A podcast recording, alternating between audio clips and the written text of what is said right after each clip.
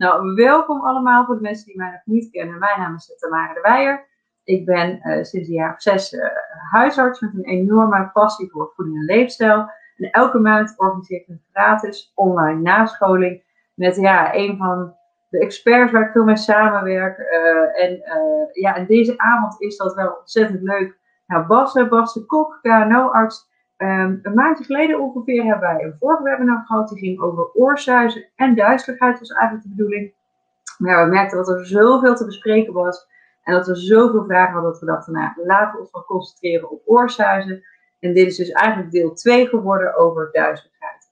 Nou zeg je nou van, hé, hey, die vorige heb ik niet gezien. Ik zou die wel graag terug willen zien. Die is gewoon via mijn YouTube kanaal. Dus via Dr. Tamara is die helemaal gratis terug te kijken. Hè? Dus weet dat je die gewoon terug kan zien. Um, nou, even wat huishoudelijke mededelingen. Daar heb ik slides van gemaakt. Dus goed is, zijn die nu te zien. Uh, nou, zoals ik al even zei, hè, dus ik ben uh, huisarts nu sinds ruim uh, zes jaar in Amersfoort. Met veel plezier. Um, ik heb een aantal leefstijlboeken gemaakt. Dus drie voor consumenten. Dus eentje met veel recepten. Dus die eet beter in 28 dagen. Eentje speciaal voor maag- en darmklachten. En één, die is van afgelopen november. Ja, 17 november is een leefstijlboek, dus veel meer achtergrond over leefstijlinformatie. En uh, sinds nu ruim een jaar het handboek leefstijlgeneeskunde.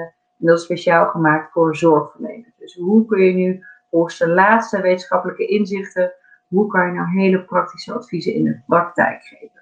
Nou, ik ben oprichter van de Vereniging Artsen en Leefstijl en voormalig voorzitter en uh, sinds nu ruim een jaar hebben we het online leefstijlprogramma waar bijna 2500 deelnemers al aan hebben meegedaan, ook nog aan het doen zijn. Dus dat is wel ontzettend leuk. Um, nou ja, wat ik al zei, wat uh, huishoudelijke mededelingen even. Stel nou dat je verbinding vastloopt, dat kan wel eens gebeuren.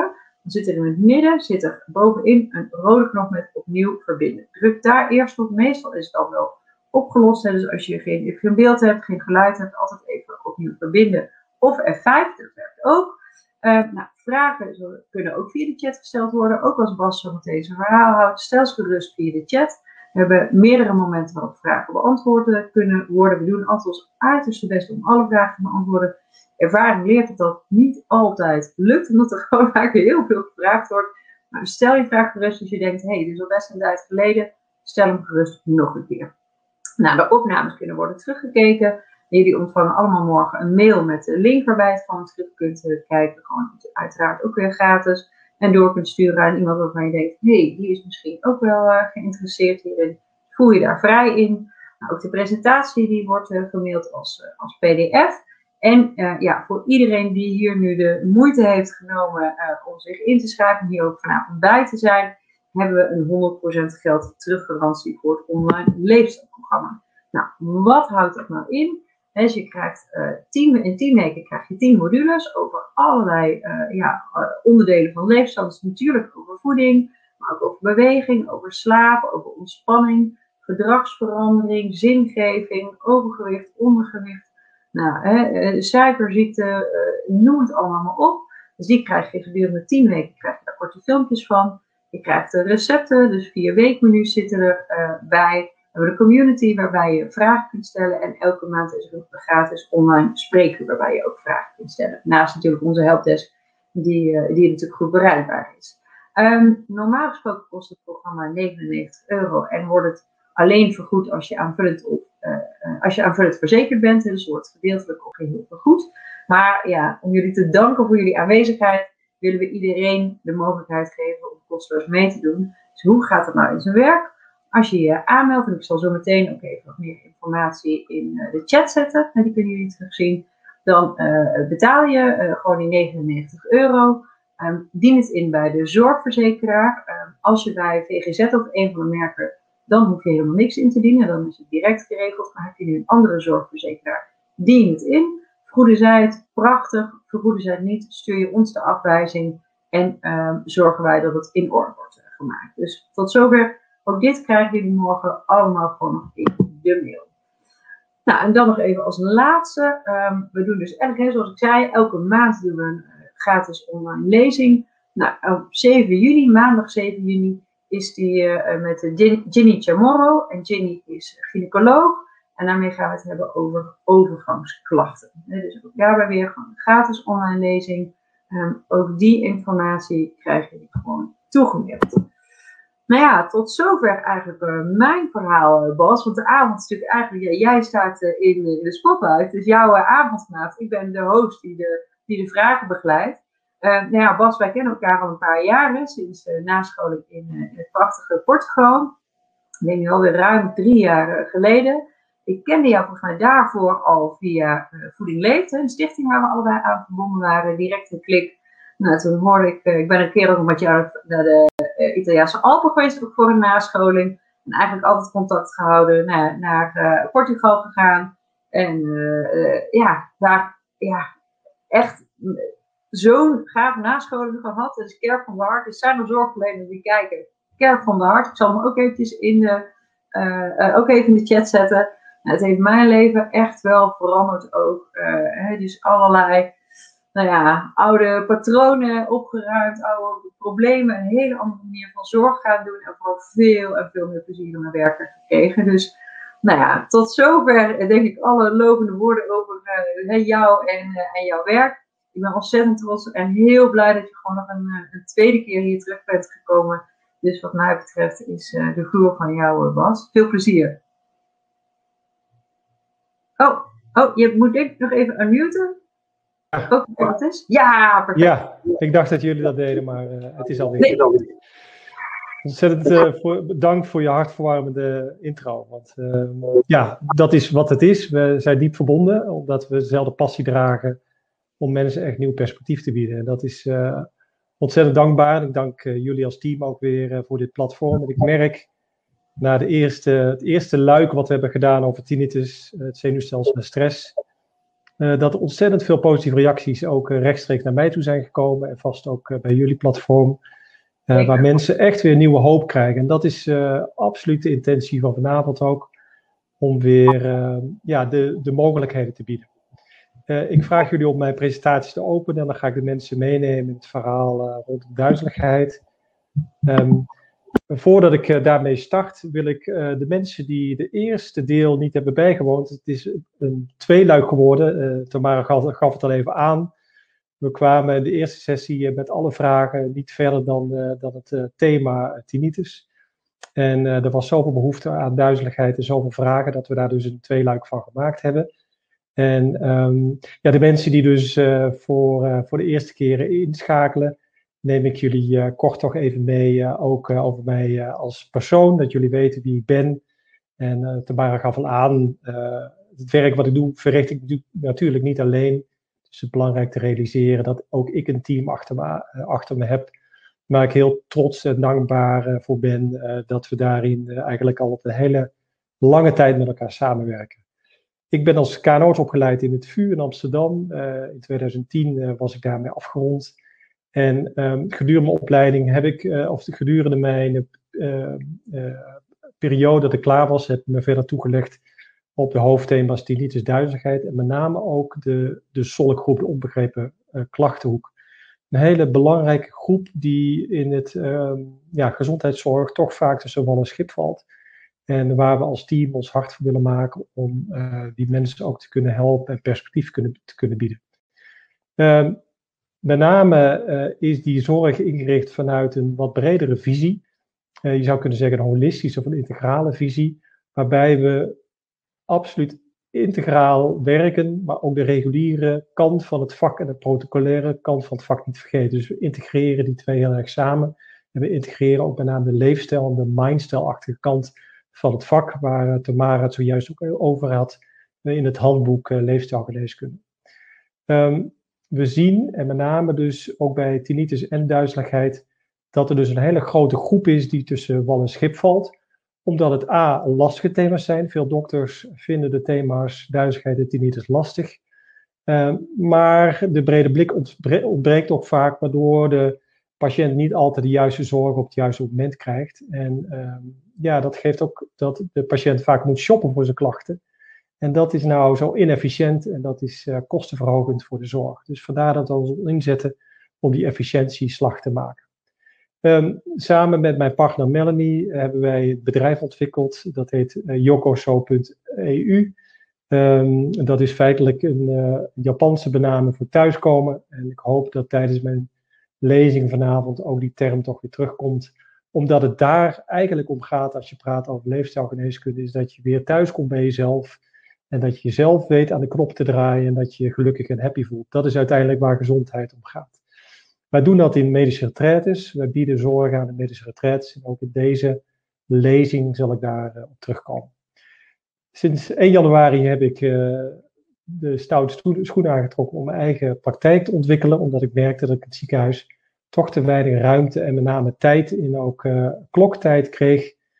Om die zorg in een brede blik en in leefstijlgeneeskundige termen goed te kunnen doen. En um, mijn, mijn praktijk uh, is dus per 1 januari geopend. Voordat we verder gaan inzoomen op de mogelijkheden rondom tinnitus en daarin een aantal thema's gaan belichten en ook met name het stukje leefstijl en mindstijl geneeskunde gaan belichten, ga ik eerst de thematiek duizeligheid uh, ja, voor jullie wat helder krijgen. Want duizeligheid heeft een heel breed terrein. En um, ja, het is belangrijk om toch daar op een, ja, op een brede manier naar te kunnen kijken hoe duizeligheid nou precies werkt en hoe we dat uh, in de praktijk vormgeven. Duizelijkheid zou je kunnen zeggen is niets anders dan de illusie vanuit de hersenen dat je beweegt, terwijl er werkelijk geen beweging in de driedimensionale wereld of in jouw wereld plaatsvindt. Dus zintuigelijk worden we eigenlijk voor de gek gehouden. En voor de mensen die het plaatje in het midden al bekeken hebben, daar langdurig naar kijken, en als ik het zelf zou vergroten, dan krijg je het gevoel als je daar naar het plaatje kijkt, die ronde cirkel, dat je feitelijk al een beetje het gevoel krijgt dat je beweegt. En voor mensen die daar heel gevoelig voor zijn, die zullen merken daar misschien ook een onprettig gevoel in de maag bij te merken. Dus alleen al kijken naar gekromde circulaire lijnen, merk je al dat je dus voor de gek gehouden wordt dat de hersenen een gevoel van duizigheid krijgen. Dus die misinformatie, die treedt juist op. En je zou kunnen zeggen, aan de rechterkant zie je dat plaatje. Onze hersenen uh, ja, nemen de wereld op de eigen manier waar. En dat is dus niet voor iedereen hetzelfde. Er zijn mensen die naar het rechterplaatje een hele prachtige jonkvrouw zien die in het meer zichzelf aan het wassen is. En andere mensen zullen weer een oude heer zien met een snor en een baard. En als u rechts naar het gas kijkt, dan ziet u die baard wat uh, duidelijker weergeven. Dus hoe onze hersenen de wereld waarnemen is een groot verschil tussen iedereen. Dat is een heel belangrijk aspect binnen duidelijkheid. En feitelijk zou je kunnen onderschrijven of onderscheiden dat er twee aspecten zijn die duizigheid veroorzaken. Eén treedt duizigheid op als zintuig of een orgaan die betrokken is bij ons evenwichtssysteem niet de juiste informatie doorgeeft. Dat zien we bijvoorbeeld bij een ontsteking van het evenwichtsorgaan uh, waarbij het evenwichtsorgaan als het ware direct wordt uitgeschakeld. Dan kennen mensen waarschijnlijk ook de ziekte BPPD, waarbij we in dit verhaal daar nog dichter op inzoomen. En de ziekte van Meniere gaan we in dit verhaal ook uitlichten. Maar in beide drie ziektebeelden zie je feitelijk dat de informatie niet goed aan de hersenen wordt doorgegeven. Het tweede aspect die duizigheid veroorzaakt is dat juist de hersenen de informatie onjuist interpreteren. En dat zie je bijvoorbeeld bij reisziekten, bij mensen die achter in de auto zitten op jonge leeftijd, waarbij ze niet de juiste informatie van buiten krijgen en de, de informatie van de auto en de trillingen van de auto en dus de hersenen niet meer weten hoe precies de werkelijkheid, uh, uh, hoe de werkelijkheid is. En dat kan leiden tot een conflict in het brein en juist leiden tot klachten. En dan heb je ook als het ware waarbij het zenuwstelsel te gevoelig geworden is, waardoor de informatie ook niet goed wordt geïnterpreteerd. En dat zien we vaak bij angstklachten, bij chronische stress of bij chronische hyperventilatie, waarin ik in dit verhaal ook uh, verder op in zal gaan. Ja, en dan treedt er dus een mismatch op, omdat die informatie dus niet goed wordt geïnterpreteerd door de hersenen. En dat gaat gepaard met allerlei heftige klachten. Dat is wat het ziektebeeld zo ontzettend heftig maakt. In ons vak noemen wij dat vegetatieve mismatch, waarbij er dus klachten kunnen optreden van braken, maar ook diarree, zweten. Nou, die evenwichtstoornis lijkt me duidelijk. Maar ook een enorme doodsangst. Dat is wat die duizeligheidsziekte zo ontzettend heftig maakt. Mensen, eh, als een heftige eerste aanval hebben, zijn echt in de veronderstelling dat ze doodgaan of dat ze een herseninfarct hebben. En uh, die angst die wordt vaak ook in de loop van herstel van het ziekte ook meegenomen. Dat is vaak een beperking. Nou, dat geeft weer controleverlies. En die beroerte heb ik al even genoemd. Het voelt als zijn alsof je een beroerte doormaakt. Super heftig. En ook vind ik in de maatschappij super onderkend.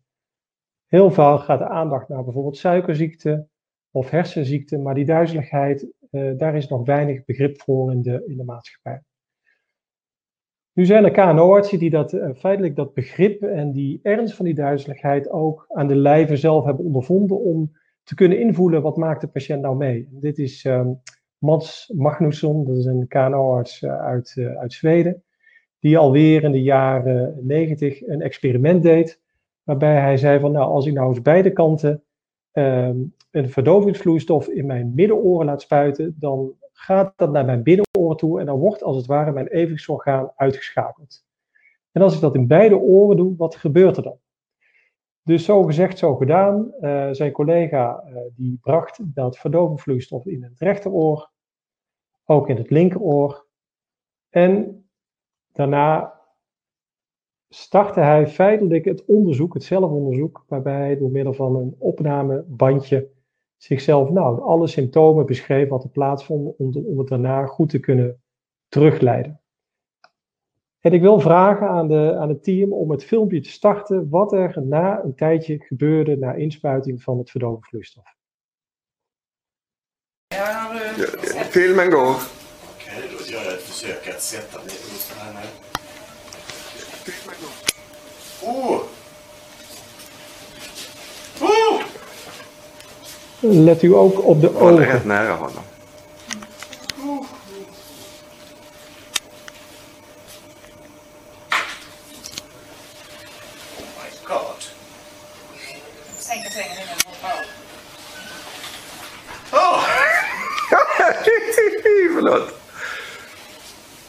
Heel duidelijk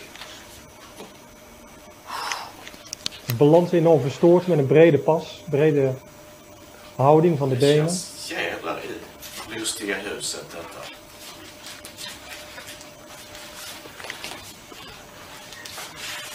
Oh! Ja, het, weet, het weet is niet zo goed, dus ik kan dit niet vertalen. Alltså det går, men det är, tror jag, med fötterna som jag håller balansen ja. alltså med anklarna. Ja. Ja, jag är alldeles genomsvettig alltså. Jag måste försöka gå och kissa. Ja, jag, jag förstår nu hur den här killen kände sig. Alltså det, det, det är bara med hjälp av fotsulorna och korta steg på det här sättet. Akta dig Madeleine, jag måste filma honom. Ja, en toen kijken of we de presentatie kunnen oppakken. Want dit is natuurlijk de eerste minuten na de injecties. En je moet zich voorstellen, als beide evensorganen worden platgespoten, kun je dat vergelijken met een vliegtuig op 10 kilometer hoogte, waar beide, beide uh, vleugels worden weggeslagen. Dus um, je kunt zich voorstellen dat er toch paniek uitbreekt. En dat is ook wat er gebeurde, is feitelijk dat hij gedurende een periode van acht uur ernstig ziek was. Feitelijk uh, ja, eigenlijk niet kon uh, functioneren. En uh, nou, in het ergste geval zelfs tot heftig braken aan toe, die acht uur moest uitzitten. Uh, hulde aan de dapperheid van, uh, van deze Zweedse KNO-arts. Maar het geeft mij weer eens weer hoe heftig het beeld kan zijn. En als we kijken naar duizigheid, dan zou je kunnen zeggen, duizigheid bestaat in zoveel vormen dat je ja, bij heel goed als dokter moet opletten over, over welke vorm nu spreken. Je hebt natuurlijk de taal van de patiënt. Waarbij de ene zegt van ja, ik voel me de hele dag licht in het hoofd. Maar de andere die komt echt met dat heftig draaien binnen op de spoedeisende hulp. Waarbij uh, ja, een gevoel is van een beroerte of een, een hersenbloeding. Dus in die diagnostiek, en met name de mensen die we zien, is het verhaal ontzettend belangrijk van wat de patiënt vertelt. En dat vraagt dus ook als arts die zich met duizigheid bezighoudt, dat je tijd moet nemen om het verhaal goed te bestuderen en te, luisteren van, uh, te beluisteren van de patiënt. Want als je het verschil eh, onderschrijft tussen de vormen, dan bepaalt het dus uiteindelijk de diagnose. En u ziet links in beeld, uh, als mensen binnenkomen met heftige draaiduizigheid of draaiduizigheid in aanvallen of bij positieverandering, ja, dan bepaalt het eigenlijk de diagnose waar we zojuist over hebben gesproken. Bijvoorbeeld BPPD, ziekte van Meniere, waar ik dan op, inga. Uh, maar ook mensen met migraine van het evenwichtsorgaan. er zullen vast mensen thuis zijn die ook bekend zijn met de migraine van het evenwichtsorgaan. We noemen dat vestibulaire migraine. Of de ontsteking van het evenwichtsorgaan. Dan kunnen mensen echt komen met het feit dat ze geen draaiduizeligheid hebben, maar meer uit balans zijn en hun evenwicht niet goed kunnen houden. Nou, dat komt dan veel meer uit de hersenen zelf uh, of uit de diagnose PPPD. En dat is weer wat anders dan dat we tot nu toe gehoord hebben. Dat is feitelijk, en dat vergelijkt wel eens met Utrecht Centraal, is als de, uh, ja, de, de inkomende, uitkomende treinen als het ware niet meer goed vertrekken en de zintuigelijke informatie niet goed wordt verwerkt. Ook als mensen eh, als het ware verminderd gevoel hebben in de voeten, kunnen ze daardoor uit balans geraken. Dus dat doen wij in neuropathie. Dan zien we mensen met klachten van zweverigheid of licht in het hoofd. Dat zit vaak veel meer in het domein van de ademhaling. Of mensen hebben chronische hyperventilatie door chronische stress of angst. Of mensen hebben een onderliggende apneu-syndroom. Dus ze stokken met de ademhaling gedurende de slaap. Dat kan ook chronische duizigheid geven. Of mensen met eh, longklachten zoals bijvoorbeeld COPD. En de laatste belangrijkste groep is mensen die echt ook het gevoel hebben dat ze flauw vallen of daadwerkelijk flauw vallen. En dan moet je veel meer zoeken in bijvoorbeeld de bloeddruk of uh, de werking van het hart, bijvoorbeeld met hartritmestoornis. Dus dat verhaal is ontzettend belangrijk. En waarom? Omdat er in het verhaal vaak bij, bij 40%, 40 van de mensen toch meer dan drie diagnoses in één verhaal zitten. En als het ware dus ook apart begeleid en een, een werkplan voor gemaakt moet worden. Dus dat is ook belangrijk om te realiseren. Dus zoals ik al aangaf, hè, dat is ook een stukje wat u op mijn website vindt, is dat zorg dat, dat daar gewoon tijd voor genomen moet worden. En vandaar dat we ook in mijn praktijk dus veel meer ruimte en tijd nemen om goed naar het verhaal te kunnen luisteren. En misschien, Tamara, naar dit eerste stuk, uh, zijn er al vragen vanuit uh, het publiek over dit eerste deel van, uh, van de lezing? Die zijn er zeker. even kijken. Ik ga even naar beneden, want er werd al snel. Uh, we net een minuut bezig waren, toen kwamen de eerste vragen. Dus mensen zijn echt dus, helemaal klaar voor. Superleuk. Uh, Claudie vraagt: kan draaiduizeligheid in de familie zitten? Mijn oma had het, ik heb het een paar keer gehad. Dus kort heeft mijn dochter het ook een paar keer gehad. Ja. Kan dat? Dat kan. Uh, we zien met name bij mensen met de ziekte van Meniere vaak een soort familiaire aanleg. Uh, maar als ik het, ja, het verhaal goed interpreteer van haar, dan refereert ze niet naar de ziekte van Meniere. Dat is toch een heftig, langdurig beeld waarbij mensen meerdere aanvallen per jaar van draaiduizigheid hebben. Wat soms wel eens jaren kan aanhouden. Dus ik, ik weet niet of dat speelt. Maar met name de ziekte van Meniere zien we vaak een familiaire aanleg.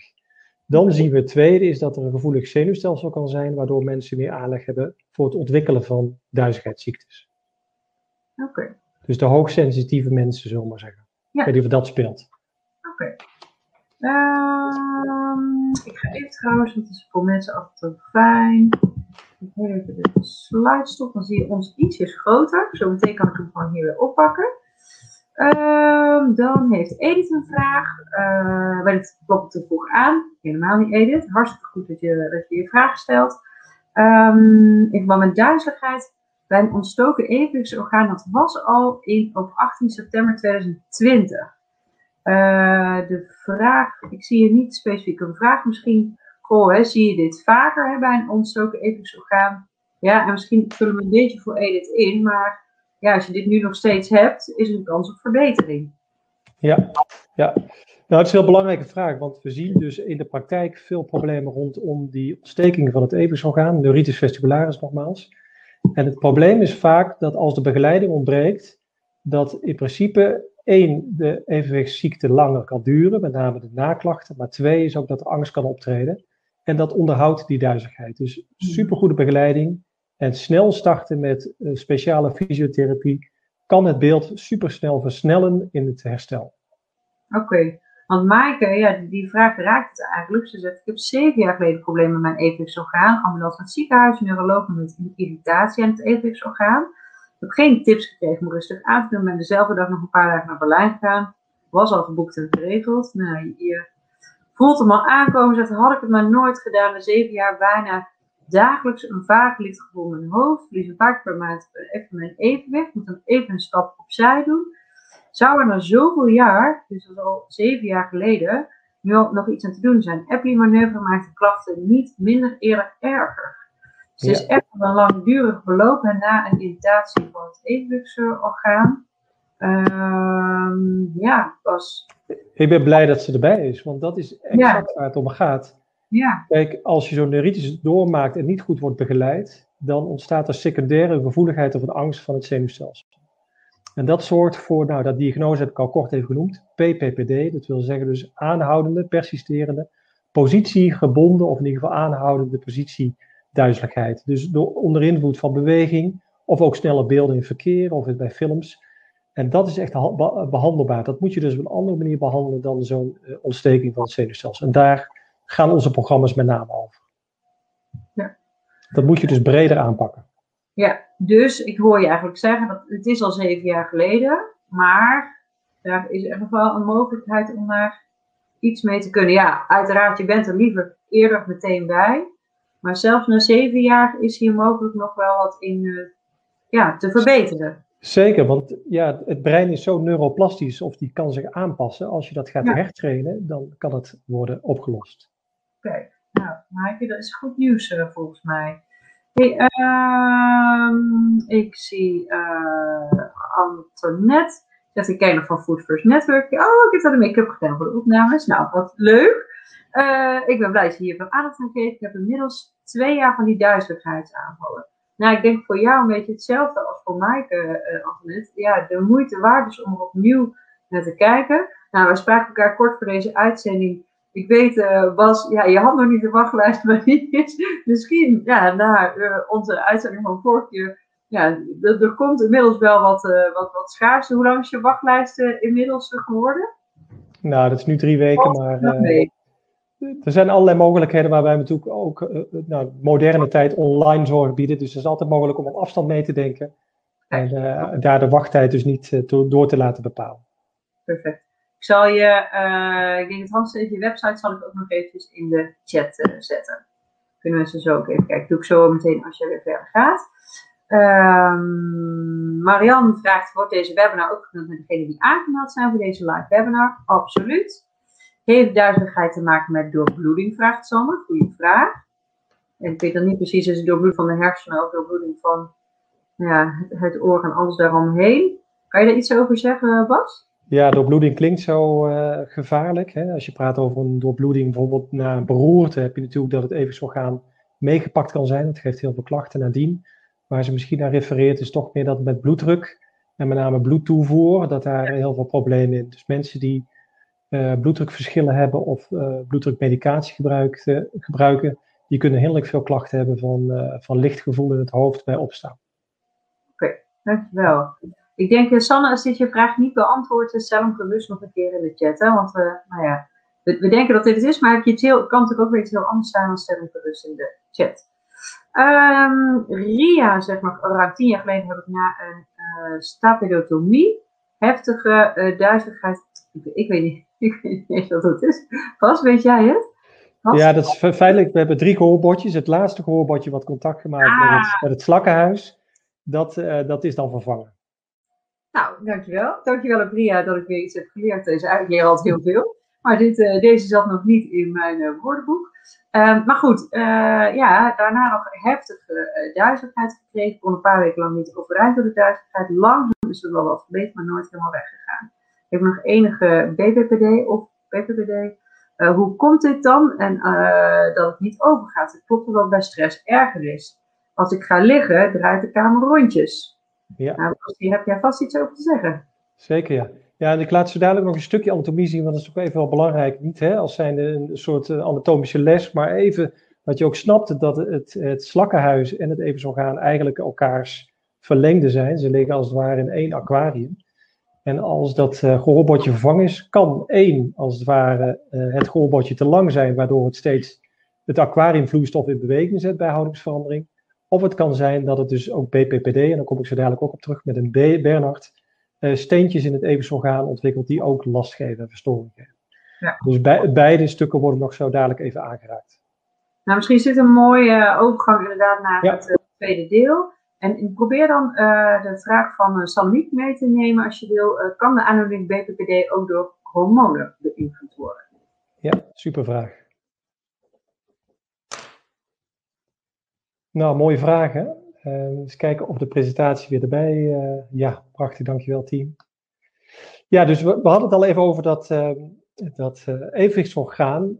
ik weet niet, als jullie mijn pijltje zien, ik weet niet of dat overkomt, maar jullie moeten maar even van me aannemen dat um, jullie aan de rechteronderzijde zien jullie de gehoorgang, dan zien jullie het brede vlak het trommelvlies, en dan zie je de gehoorbeentje en het potje waar we zojuist over hadden, dat hoefijzervormige dingetje, dat noemen we nou de stapes, oftewel het stijgbeugeltje. En als je dat laat verwijderen, wat die mevrouw besprak, dan noem je dat een staperotomie.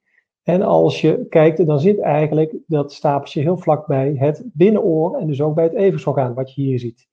Dat evensorgaan bestaat eigenlijk uit drie kanalen die in driedimensionale richting onze drie, driedimensionale wereld uh, representeren. En je hebt als het ware nog een bolletje onderin. En je moet maar van me aannemen dat dat bolletje met name werkt als je bijvoorbeeld opstijgt met uh, het vliegtuig of met de lift. Of bijvoorbeeld afremt uh, met de auto, dat als het ware die sensor eigenlijk aangaat. En links in beeld, waar achter u ook de, uh, de gehoorzenuw ziet, ziet u het slakhuis liggen. Nou, dus het is heel belangrijk om te realiseren is dat die BPPD, waar ik zojuist over sprak, en waarbij zo dadelijk ook die hormonale vraag meeneem, is dat BPPD niets anders is. Er is eigenlijk niet stuk, maar gehoorsteentjes die eigenlijk in dat balletje liggen wat ik net besprak, hè, die optrekken en dat bij, uh, bij de lift of bij een vliegtuig, dat die steentjes hebben functie, maar door allerlei omstandigheden kunnen die steentjes losraken. Dat kan zeker hormonale uh, aspecten met zich meebrengen. Dus met name bij vrouwen in overgang zie je toch dat met name de hormonale verstoringen zorgt dat die steentjes los kunnen raken. Maar ook bijvoorbeeld een chronisch vitamine D3 tekort zien we dat die steentjes makkelijker losraken. En vaak zien we die groep met een chronisch vitamine D3 tekort, ook op wat oudere leeftijd, mensen met botontkalking of osteoporose, waarbij BPPD dus veel vaker voorkomt. In de meeste tijd kunnen de steentjes gewoon spontaan losraken. Dat kan bij ieder gezond mens gebeuren, maar vaker nog na een klap op het hoofd. Um, en dus belangrijk is te realiseren dat ook die BPPD ten alle tijde behandeld dient te worden. Zijn er twee vormen. Je kunt oefeningen doen, je laten vallen, maar daarmee zorg je niet dat die steentjes op de juiste plek komen. Die steentjes moeten eigenlijk weer op het juiste plekje terug worden gebracht om van die aandoening af te komen. En als mensen daar niet goed in begeleid worden, dan zien we ook dat bij toch een kwart van de mensen toch ook een angststoornis of die overgevoeligheid van het zenuwstelsel ontstaat. En dus dat er een chronische duizeligheid ontstaat. En dat is natuurlijk super zonde. Dus je moet dat laten behandelen. Nou, dat doen we met de bevrijdingsmanoeuvre. En de meest bekende is van meneer Epley, dat is een Amerikaanse uh, ehm, KNO-arts die dat heeft uh, bedacht. Uh, maar er zijn meerdere uh, bevrijdingsvormen, omdat dat steentje in verschillende plekken van die driedimensionale kanalen kan zitten. In principe doen KNO-artsen die gespecialiseerd zijn in duizeligheid. Helaas zijn er dat nog niet al te veel in Nederland, met name in Apeldoorn en in Maastricht, in mijn praktijk zijn hier druk mee bezig. Maar heel veel KNO-artsen vinden het ook hele lastige materie. En dan zie je dat in Nederland uh, er vestibulaire fysiotherapeuten zijn opgeleid. En dat kunt u dan terugvinden, uh, welke fysiotherapeut u daarmee bezighoudt, via het kenniscentrum duizigheid.nl. En dan zoekt u gewoon naar het netwerk fysiotherapeuten. Die kunnen dat ook heel goed. Bottom line is, BVPD dient behandeld te worden. Want het kan gevaarlijke situaties opleveren. U kunt zich voorstellen als iemand op het trapje staat en die beweegt zijn hoofd, waardoor het steentje in dat kanaal gaat verplaatsen. En de hersenen denken dat er bewogen wordt, dat, uh, ja, dat diegene heftige duizigheid kan krijgen en dus van het tra trapje afkukelt. Dan wil ik nog inzoomen op de ziekte van Meniere, omdat het toch regelmatig voorkomt. 1 op de 10.000 mensen heeft de ziekte van Meniere in Nederland. Dat is toch een behoorlijk aantal. En ook hierbij geldt weer optimale begeleiding, goed stappenplan om het niet tot een chronische ziekte te laten zijn. En ook hierbij speelt leefstijl en mindstijl een belangrijke rol. En ook in dit verhaal kom ik daar straks nog verder op terug. Meniere, de oorzaak weten we niet. Wat we wel weten, dat is eigenlijk wat rechterplaatje is afgebeeld, is dat u eigenlijk een doorsnede ziet door het evenwichtsorgaan. orgaan. Is dat in, in de normale toestand er een bepaald volume zit in een bepaald deel van het evenwichtsorgaan. Maar plotseling, en dat noemen wij hydrops, kan die volume plotseling heftig toenemen. waardoor dat evensorgaan overprikkeld raakt, niet goed functioneert en dus de hersenen verkeerde informatie krijgen. Um, ja, dus dat leidt, dat is feitelijk de mechanisme van de ziekte van uh. Maar wat zien we nou is dat er toch een bepaalde soort persoonlijkheidsstructuur, is dat we mensen toch die met de ziekte van Meniere ontwikkelen, vaker toch persoonlijkheidskenmerken hebben. En dat zien we toch vaak bij mensen die een hoge arbeidsethos hebben of die gewoon veel uren maken en hard werken. Toch een stukje controlebehoeftig zijn, perfectionisten, de accounts van deze wereld met alle respect. En we zien toch dat de relatie lijkt met het stresshormoon cortisol. En dus ook weer een hormonale trigger voor de ziekte kan zijn. Niet bij iedereen. Er zijn ook mensen die niet volledig voldoen aan dit profiel, maar toch de ziekte Meniere ontwikkelen. En nogmaals, er zit dus ook een familiaire lijn achter. Belangrijk is te realiseren dat we feitelijk de ziekte van Meniere tegenwoordig supergoed kunnen behandelen. En dat wil niet zeggen dat het makkelijk is, eh, maar je moet dat eigenlijk als het ware stapsgewijs doen. Meestal starten we in eerste instantie met medicatie. En het medicament betahistine is daarvoor nog het aangewezen middel. Er zijn heel veel studies die eigenlijk niet laten zien dat betahistine nog werkzaam is, maar in de praktijk zien we echt dat het werkt. Alleen je moet het voldoende hoog doseren, dat is een belangrijk gegeven. Als de medicatie niet helpt, dan kunnen we overgaan tot injecties. Injecties in het middenoor. Eerst doen we dat met een soort prednisonmiddel, dat is dexamethason. Als dat uiteindelijk na heel veel ellende toch niet helpt, dan kunnen we ook werken met gentamicine. Dat is als het ware een soort antibioticum, wat gebleken is wat eigenlijk toxisch is, of in ieder geval het evenwichtsorgaan stuk kan maken. Dan zult u zeggen van ja, maar als je het dan stuk maakt, worden de klachten dan niet erger. Feitelijk ontstaat er dan rust bij de ziekte. En de hersenen kunnen heel goed compenseren voor het ene, uh, ene evenwichtsorgaan wat stuk gegaan is.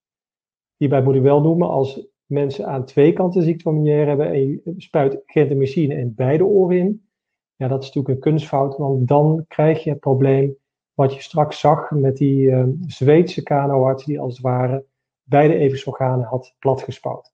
Dus dat doen we dus uh, niet. Dan heb je nog speciale brillen, en dat zijn utermolenbrillen of soort prismabrillen, waarbij je nu een studie loopt of die utermolenbrillen voor een grote groep mensen inzetbaar zijn. En met name dokter Vente is een heel goede arts, huisarts, die zich met dit specialisme heeft bezig gehouden. Uh, die in Zuid-Holland uh, praktijk voert. Dan is er ook nog uh, een KNO-arts die zich gespecialiseerd heeft op operatie, wat zich ook in een ja, wetenschappelijk experiment bevindt op dit moment, waarbij de resultaten positieve effecten laten zien. Waarbij eigenlijk die drukkanaal van dat overbelasting van die, van die vloeistof wordt afgeklipt. Wij noemen dat een ductussluiting. En waar ik mensen echt op wil uh, wijzen, is dat er ontzettend veel mogelijkheden zijn op leefstijl, mindstijl. En dat noem ik in dit geval dus integrale behandeling. En die integrale behandeling, um, daar wil ik nu kort op inzoomen, omdat het natuurlijk ook de thematiek is van deze avond, is dat we als mensen vaak hebben geleerd om afhankelijk te zijn van medicatie, van dokters, en dat er weinig zelfmogelijkheden zijn. En zeker bij de ziekte van Meniere zien we dat er ontzettend veel zelfmogelijkheden zijn, waardoor je de ziekte wat beter onder controle kunt krijgen. En waarbij je, door, waarbij je weer meester kunt worden over je klachten. En dat is wat we zien in de praktijk ook. In onze programma's gaan ziekte van Meniere uh, mensen ook mee. En zien we ontzettend verbluffende resultaten soms dat mensen echt ook een langdurige ziekteperiode, uh, een langdurige klachtenvrije periode meemaken. Dan praat ik echt over jaren klachtenvrij. Dat is een ontzettende boeiende ja, ja, nieuwe uh, vorm waarbij je als patiënt dus eigenlijk veel, veel meer eigen mogelijkheden krijgt. Hoe kun je die leefstijl, mindstyle aanpak nu zien? En met name die ge geïntegreerde vorm, zoals we dat in onze programma's aanbieden. Dat is een body-mind uh, aanpak, waarbij body-mind geneeskunde een hele belangrijke rol speelt. En dat is met name om het stresssysteem en het zenuwstelsel wat meer in balans te krijgen. dat doen we met ademtechnieken.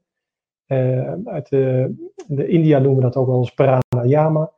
Uh, en we gebruiken meditatietechnieken. We kijken heel erg naar voeding. Waarschijnlijk komen daar ook vragen over, maar de belangrijkste aspecten is het vermijden van koffie, het vermijden van alcohol, het vermijden van snelle suikers en met name zorg, goed zorgen voor het zenuwstelsel. dat is bijvoorbeeld met omega-3, maar er zijn nog meer, meer mogelijkheden. En plant-based food, dat is uh, plantenvoeding. Dat is een belangrijk aspect gebleken. Um, en het derde aspect is dat we mensen heel erg leren waarin en ook gaan zien waardoor het systeem en met name het stresssysteem steeds aangaat. Ehm, en dat doen we door middel van een cognitieve aanpak. Dus de eerste resultaten lijken hele positieve effecten te zien bij mensen die in onze programma's meegaan. En wat we feitelijk doen, is eigenlijk de visieuze cirkel doorbreken. En ik neem jullie mee in het plaatje, en ik begin bij de klok op 12 uur, is dat we vaak zien, is dat duizeligheid zo'n heftig symptoom is, dat je eigenlijk zou kunnen zien als een emotioneel trauma, of een zeer heftige ervaring. En dan gaan we naar drie uur, dan zie je feitelijk dat als mensen daarvoor dan de juiste oplossing willen vinden, dat ze in het zorglandschap dus niet altijd de juiste stapjes krijgen en dus dat de diagnose en de behandeling gesteld krijgen vaker langer duurt. Nou, wat brengt dat met zich mee? Dat is natuurlijk het derde aspect, dat is een stukje angst. En dat zet eigenlijk ons limbisch systeem aan. Heel veel mensen zeggen het limbisch systeem niets, niets, maar dat is eigenlijk het onbewuste zenuwstelsel die ons in een waakzame stand brengt. Oftewel, op je hoede, het zal me niet nog een keer overkomen. Ik ga in de fight-flight. Dat noemen wij dan verhoogde sympathicotonus. Mag het allemaal vergeten, maar je kunt zich voorstellen is dat het zenuwstelsel dan meer aangaat en op zijn hoede geraakt. En dat geeft allerlei klachten. Het probleem bij dit soort langdurige processen is dat daardoor ook ziekteverzuim optreedt. Dus wij noemen dat eigenlijk dat sociale mensen eigenlijk niet meer in het veld kunnen bewegen, waardoor eigenlijk die klachten in een chronische straat terechtkomen, waarbij ook angst en stemmingsklachten een belangrijke rol spelen. Dit is de vicieuze cirkel die eigenlijk doorbroken dient te worden. Voordat we overgaan naar de programma's die we aanbieden, uh, Tamara, zullen hier vast extra vragen over gekomen zijn. Ik geef het woord weer aan jou. Ja, die zijn er inderdaad zeker weer. Ik ga even de slides weer stoppen. Dan ga ik naar de chat, zoals verwacht, die is weer uh, geëxplodeerd. Dus uh, even kijken, volgens mij weet even niet meer hoe ik deze nou heb genoemd van Mieke over de bril. Had ik die al. Nee. Nee, hè? Volgens mij had ik die per ongeluk overslagen. Mijn excuses, Mieke. Um, kan het, en dan denk ik, het is duiveligheid, denk ik, veroorzaakt worden door een verkeerde bril? Ja, dat kan. We zien zeker mensen die prismabrillen dragen, dus veel uh, schuiven in hun. Uh, ja, in een eh, refractie, of hoe noem je dat, eh, in een ja, afstand. Dat als het ware de hersenen, en zeker bij ooggevoeligheid van het brein, dus mensen met migraine, mensen met reisziekte, die prismabrilherstel, uh, uh, wat noemen we nou net? De, de multifocaalbril, excuus, de multifocaalbril gebruiken, zien we toch dat het duizeligheidsklachten kan geven. En dan gaan we vaker eerst over op twee soorten brillen. Ah, dus echt een voor veraf en eentje voor uh, dichtbij. Klinkt zo ideaal, maar je merkt, merkt dat ook in de praktijk hoor. Dat het voor mensen echt wel wennen is. Om dat dus de hele tijd zo te schakelen via die uh, bril. Um, Inge zegt, ik heb van de week een voorval gehad waarbij ik een soort elektrische schok voelde achter mijn hoofd. Was heel eng en raar. Nou, dat kan ik me voorstellen, Inge. Mijn huisarts zei dat dit kan komen door de kristalletjes. Ik denk dat je de BPPD dan uh, bedoelt. Hè, was daarna ook duizelig en nog steeds zo. Kennen jullie dit ook? De elektrische schok achter in het hoofd. Ken je dat, uh, Bas? Nee, nee, dat heb ik nooit eerder gehoord bij BPD in mijn carrière als 11-jarig uh, KNO-arts. Um, kijk, nogmaals, wat het wel geeft, is die BPPD geeft hier angst. Dat zet het zenuwstelsel in de waakzame stand. En dat kan wel die elektriciteitsgevoelens geven. Dus dat zien we vaak. Ja, oké. Ja. Dus het advies is toch te laten behandelen. Ja, duidelijk. Nou, over behandeling gesproken. Edith zegt, uh, voor mij komt het uit niets, hè, erg misselijk. Huisartsoverleg neuroloog, uitkomst ontstoken evenwichtsorgaan, inmiddels MRI-scan gedaan. In jullie uitslag wil graag weten wat er allemaal kan komen. Nu geen begeleiding. Nou, hopelijk komt er uit die MRI natuurlijk niks, Edith. Maar tot nu toe nog geen begeleiding. Nou, ik hoop echt dat 1 juni, dus uh, volgende week al, dat ze ook een goed behandelplan voor je hebben, wat er ook uit uh, mogen komen. Nou ja, en anders uh, kijk gerust ook even, ja, trek aan de bel, kijk gerust even verder. Um, Arnold zegt nog. Ik, uh, Tamara, mag ik daarop toch op in? Want het is wel een hele, hele boeiende wat hier op tafel komt. Ja. Kijk, het is natuurlijk heel onzekere tijd naar die MRI toe, dus dat geeft ontzettend veel onzekerheid. Wat ik in het verhaal hoor, is: kijk, een ontsteking van het evensorgaan maak je in principe in je leven maar één keer mee. Dat is één keer een heftige tijd, braken, misselijkheid, etc. Als zij terugkerende draaiduizigheid heeft, dan kan ik bij wijze van spreken al zeggen dat het geen ontsteking is van het evensorgaan, maar dat je veel meer moet denken aan de ziekte van Meniere of een vorm van migraine. En dat zijn goede behandelbare ziektes. En we zien eigenlijk bijna nooit afwijkingen bij de hersenscan uh, bij dit soort beelden. Dus uh, daarin wil ik een stukje geruststelling, geruststelling opbrengen. Nou, fijn. Bedankt voor je toevoeging, uh, Bas. Ik hoop, Edith, dat dat jou ook iets geruster de, nou ja, de scan van volgende week in ieder geval de uitslag daarvan laat afwachten. Um, Arnold, Arnold, excuus, vraagt nog, kan PPPD ontstaan na een hersenschudding?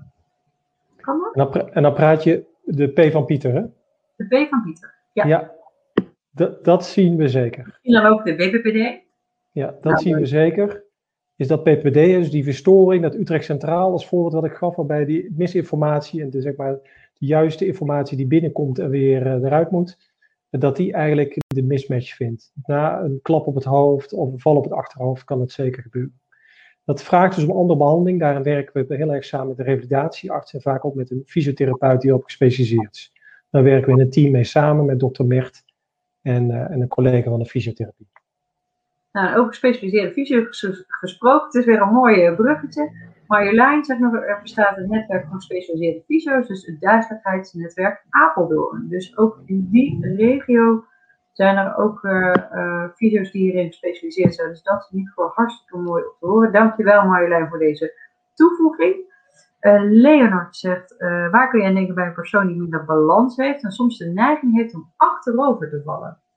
Is er dan iets wat direct bij jou boven komt, Bas? Ja, wat ik al feitelijk aangaf in die, in die verschillende groepen is dat als balansstoornissen dat je veel meer centraal moet kijken. Ja. Kunnen, mij betreft, drie grote aspecten zijn kan iets met de kleine hersenen zijn, dus absoluut adviseren om dat toch bij een neuroloog een keer na te laten kijken. Het kan ook zeg maar, van de nekwervel zelf afkomen, waarbij ruggenmerg als het ware door slijtage van de nek uh, wordt beïnvloed. En dat kan deze klacht ook geven. Dus mijn advies is meer neurologie uh, een keer mee te laten denken. Helder, dankjewel. Nou, wil ik nog even twee vragen beantwoorden en dan laat ik jou jouw presentatie afronden. En dan hebben we nog weer uh, een tijdje voor vragen. Dus wees gerust, uh, we zijn nog niet klaar. Uh, Petra vraagt, kun je door slechthorendheid last krijgen van evenwichtsorgaanstoornissen? Evenwichtsstoornissen, excuse, moet ik wel goed oplezen. Ja, aan zich alleen zeg maar slechthorendheid op basis van ouderdom, slechthorendheid Maar we zien dus heel vaak de combinatie van slechthorendheid met een duizeligheidsziekte. En Meniere is daar de meest uitgesproken van. Je hebt er nog wel meer, maar dat zijn zeer zeldzame die ik eigenlijk buiten dit bestek wil laten. Dat zijn bijvoorbeeld ja, erfelijke aandoeningen. Ja. Uh, ja. Nou, deze, en die had je volgens mij al beantwoord. Ina, is er uh, medicatie tegen draaiduizigheid? Daar had je al even wat over gezegd, volgens mij. Uh, ja, ja, dus draaiduizigheid in het algemeen, uh, als we daarin niet iets specifieks voor kunnen vinden of niet een duidelijke diagnose op kunnen plakken, hebben we verschillende vormen van medicatie. Eigenlijk wat alle medicatie doet, is het zenuwstelsel een klein beetje dempen, waardoor de ervaring van duizigheid minder wordt. Beta-histine is er daar één van, maar we gebruiken ook bijvoorbeeld een anti-allergisch middel. Cinerazine heet dat. Uh, en soms zelfs anti-misselijkheidsmedicijnen. Dus dat zijn de belangrijkste groepen. Nou, nog één echt mooi bericht van Maaike. Maaike zegt tranen in mijn ogen na te horen dat er nog iets te doen is na al die jaren. Maaike, geloof zeven jaar last. Nou, ik hoop ongelooflijk, Maaike, dat dit jou uh, verder gaat, uh, gaat helpen. Uh, nou, dat lijkt me een mooi om het nu af te sluiten en om weer terug te gaan naar de slides. Ik zal even kijken, als het goed is, gaat het nu weer verder bij je. Ja, het raakt, mij ook, het raakt mij ook dat het zo binnenkomt uh, ja. bij mensen. En daar doen we het voor. Uh, daar doen we het voor dat we die, dat nieuwe perspectief en die nieuwe hoop. Dus, uh, ja. ja. dus ik wil kort inzoomen zeg maar, op het integraal programma wat wij ontwikkeld hebben. Nogmaals, integraal bedoelen we mee dus dat er meerdere behandelvormen en leefstijl en mindstyle aspecten zijn geïntegreerd. Dus dat is feitelijk integraal. Um, want heel veel mensen vinden die term nog soms eh, onduidelijk of lastig.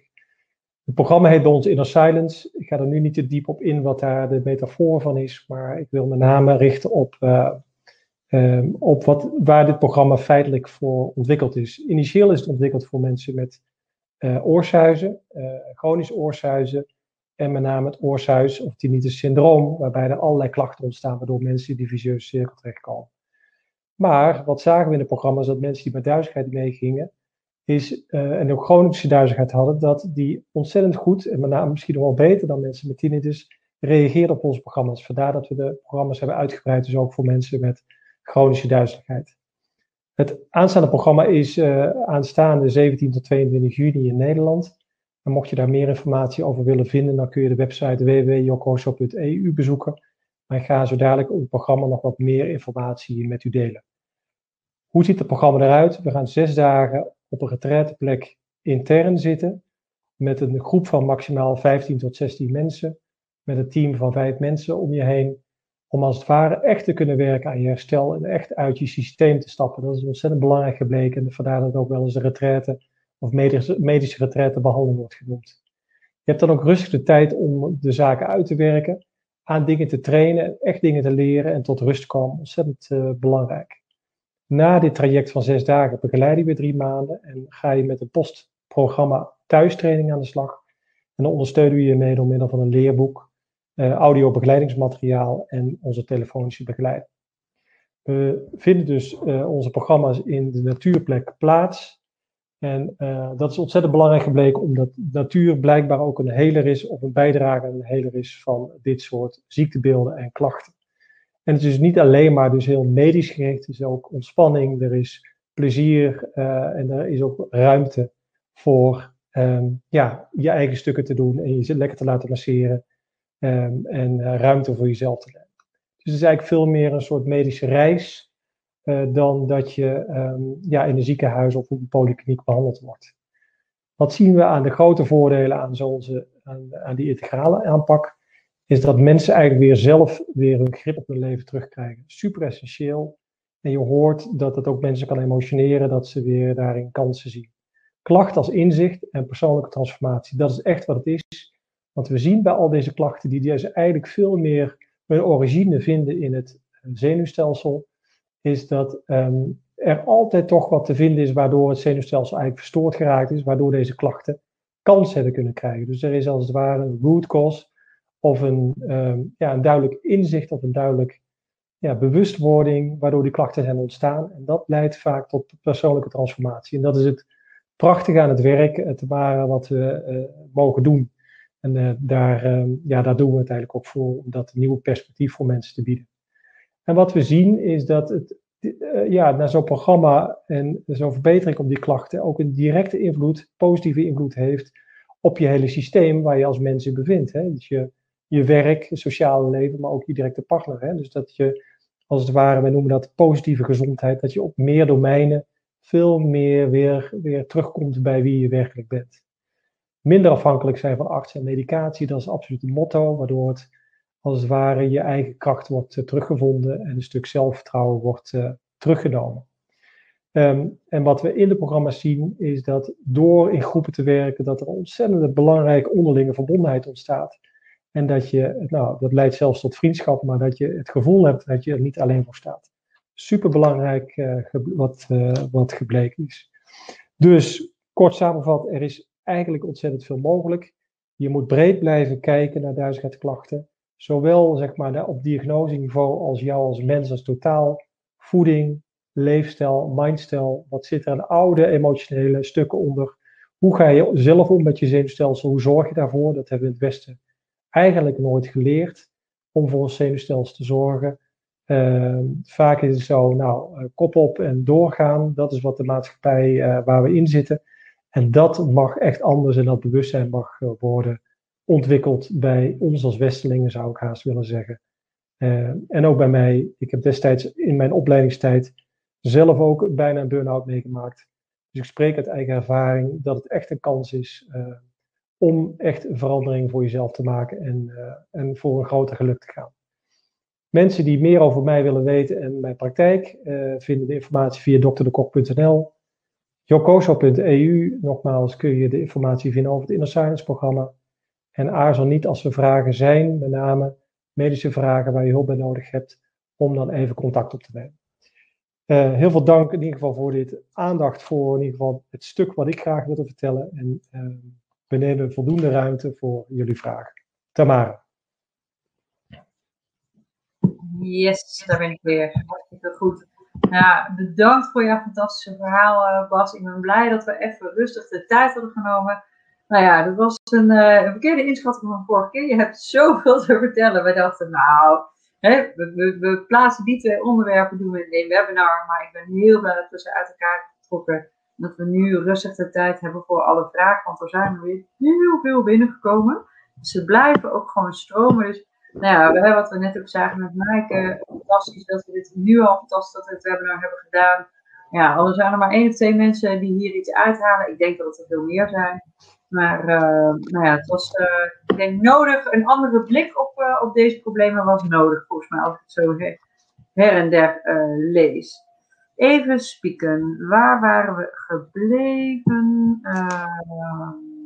Hmm, Volgens mij zijn we bij Brenda gebleven. Brenda zegt: Ik heb uh, altijd het idee dat de draaiduizeligheid naar heftige hoofdpijnaanvallen komt. Ik ben bekend, eh, bekend met migraine en clusterhoofdpijn. Nu is de diagnose BPPD en vestibulaire migraine gesteld. Maar wat zou er in mijn hoofd gebeuren dat er een zo'n heftige hoofdpijn en weer draaiduizeligheid optreedt? Kun je daar iets over zeggen, Bas? Het is een hele mooie vraag, omdat het ontzettend veel verduidelijkt. En ook wat ik in mijn lezing eigenlijk al samengevat. Eén, wat ik hoor, is dat er dus meerdere diagnoses in één patiënt of één mens voorkomen. Super belangrijk, dus het moet absoluut, al die diagnoses moeten apart een plan voor worden gemaakt. Dat is één. Twee is, vestibulaire migraine is een duidelijk beeld wat nu beschreven wordt. Klassiek aanvallen van draaiduizeligheid, die vijf minuten tot maximaal 72 uur duren. En waarbij dus voor, tijdens of na de aanval heftige hoofdpijn ontstaat.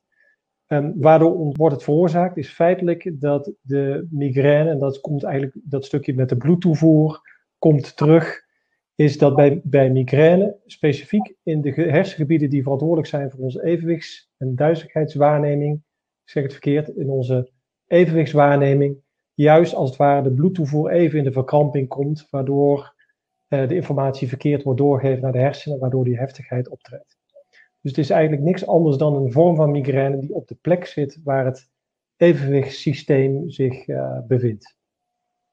Oké, okay, helder. Dankjewel. Goed te behandelen. Ja. ja. Ja, ja, sorry, maak je zin uh, Ja, is goed, is goed te behandelen. Alleen ja. je, moet, je moet nogmaals alle diagnoses bij elkaar nemen en een goed plan maken. En vaak is dat een combinatie tussen en een KNO-arts en de neuroloog. KNO-neuroloog. Dat hebben al vaker gehoord. Dus KNO-neurologie ligt soms ook ontzettend uh, dicht bij elkaar. Dus een goede samenwerking daarin is natuurlijk echt uh, van groot belang. Hey, nou heb je vraag nog gezegd, uh, ik ben af en toe duizelig, je moet flauw vallen. Ik heb chronische ontstekingen in de holtes, astma en een hartritmestoornis. Waar zou dit door kunnen komen? En misschien is je vraag ik weet niet helemaal of ik hem goed lees, maar of daar ook een relatie is. Hè? Dus denk die chronische ontsteking van de holtes, astma, hartritmestoornis. Uh, zou, zou daar een relatie kunnen uh, bestaan? Ja, ik, ik kan hier alleen al een half uur voor nemen om dit helemaal uit te leggen. Ik probeer het kort te doen. De korte, de korte versie. Twee aspecten. Het zit eigenlijk op twee aspecten. Eén is, als er chronische stress is, uh, of chronisch zeg maar dat het stresssysteem aanstaat, dat leidt tot allerlei functiestoornissen in het lichaam. Ademhaling die vaak te hoog zit. En als je nog eens een keer astma hebt, dan is de, de ademhaling vaak al te oppervlakkig. We weten dat oppervlakkige ademhaling of te snel ademen feitelijk een voorvorm is of een, een, een kans, verhoogde kans geeft op hartritmestoornissen. Maar ook chronische stress en onvoldoende opname van zuurstof zorgt er ook voor dat het afweersysteem minder functioneert. Dus dat je ook wat minder makkelijk kunt genezen van zo'n bijholteontsteking. En zo werken allerlei systemen heel erg op elkaar in. En is vaak het zenuwstelsel en met name het stresssysteem daarin zeg maar de hoofdrolspelers. En daar moet je dan op een bredere manier naar kijken dan alleen maar of naar de bijholte of naar het hartritme. En dus integraal blijven kijken. Ja, dus echt dat holistische beeld. Hè? Gewoon, je bent meer dan alleen maar je aandoening of je klacht. Het heeft heel vaak met elkaar uh, te maken. Uh, ja, dan een vraag over PPPD. Misschien goed om nog even één keer het verschil uit te leggen. Bas, je hebt het natuurlijk net al over gezegd, de BPPD en de PPPD. dat we die nog even helemaal helder hebben. Wat is het verschil? Kun je die nog een keer eh, uitleggen? Ja. Dus twee vormen van duizeligheid. Eén is eigenlijk een verstoring van het zintuig wat de verkeerde informatie geeft. Dat is een BPPD met steentjes in het episch orgaan, waardoor de hersenen verkeerde informatie krijgen.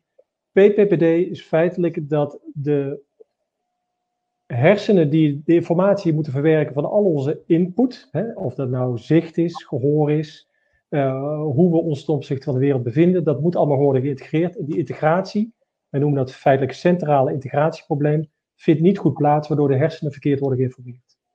Ja, en zij heeft met name vragen over, Diep heeft met name vragen over PPPD.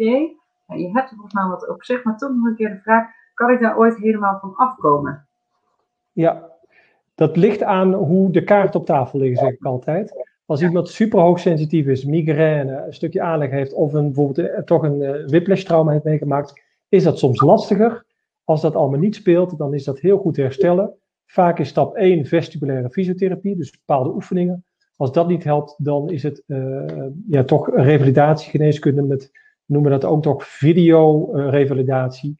is waarbij je door middel van visuele input dat Utrecht Centraal slimmer gaat maken. Neuroplasticiteit.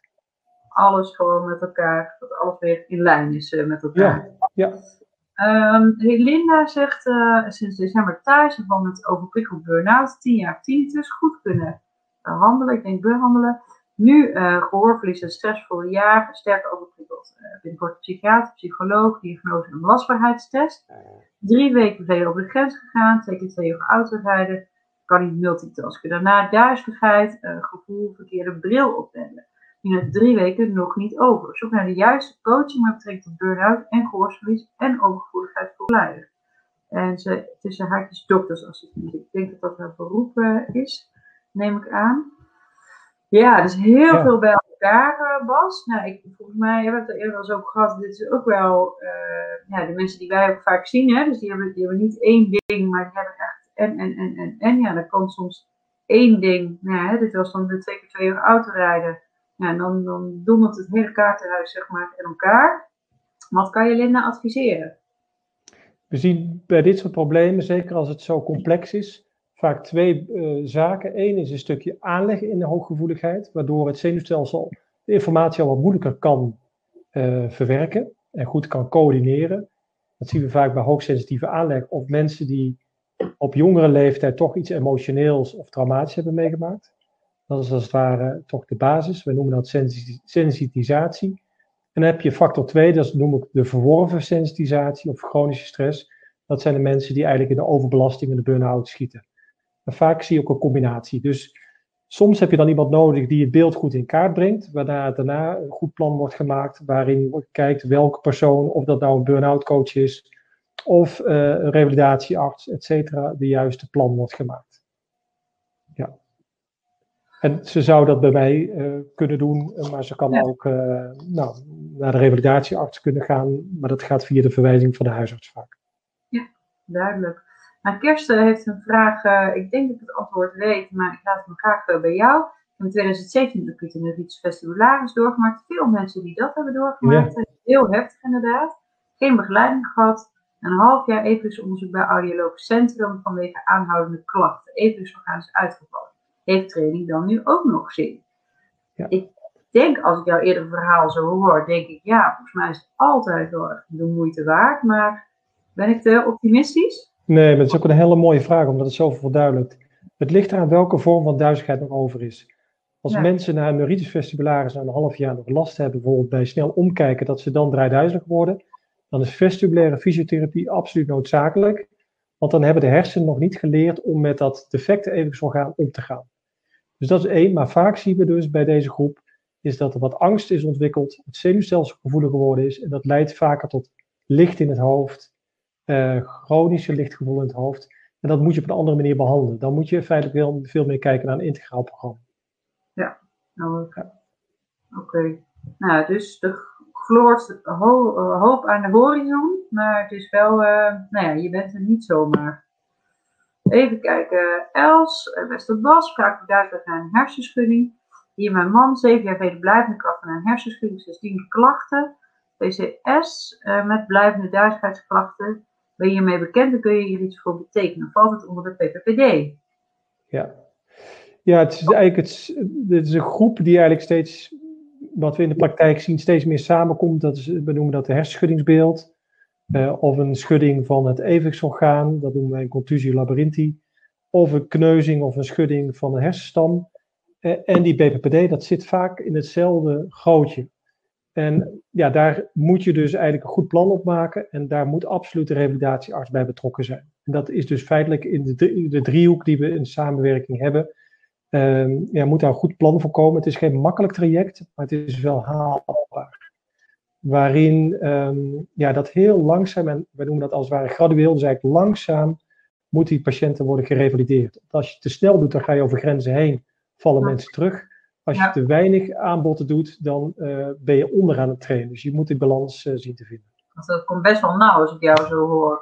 Absoluut, ja. ja Echt specialistisch werk. Ja, ja, ja. Petra zegt, ik merk altijd dat wanneer het waait, ik dan ook meer heb last van mijn evenwichtstoornis. En ook hoe drukker mijn omgeving is. Hè. Dus prikkels zijn triggers.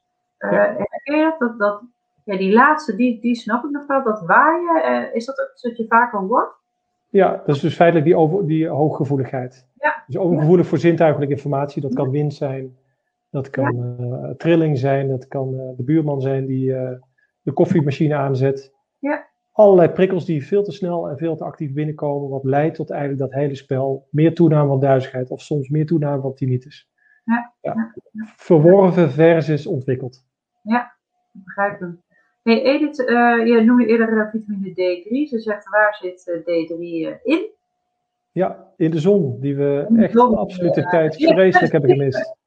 Die we in mei eigenlijk wat meer hadden willen hebben. Ik begreep ja. eind, volgende, eind volgende week, of deze, eind deze week wordt het als het goed is beter. Nou, het, ik, maar het is, tot nu toe is het nog een paar mooie dagen. Nee, het is echt vreselijk. Maar het is, vitamine D is zo belangrijk gebleken hè, voor het immuunsysteem, voor het werken van het zenuwstelsel, ontwerking voor onze botten, om duurzaam oud te worden. Dus vitamine D, ik, ik zeg altijd, als je geen zon krijgt, dan moet je het suppleren en bijslikken. Ja, zeker.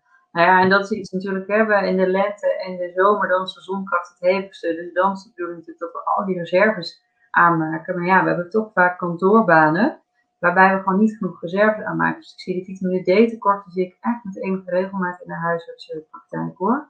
Ja, dus, als en dus, en dus zeker ook bij BPPD, mensen die ik niet behandeld krijg of niet goed reageren, vitamine D prikken, en dan zien we toch vaak een, een deficiëntie of een tekort en dan moet je echt eerst aanvullen. Eerst aanvullen, ja, maar ja. dat wordt inderdaad heel goed via je huisarts. Ja. Uh,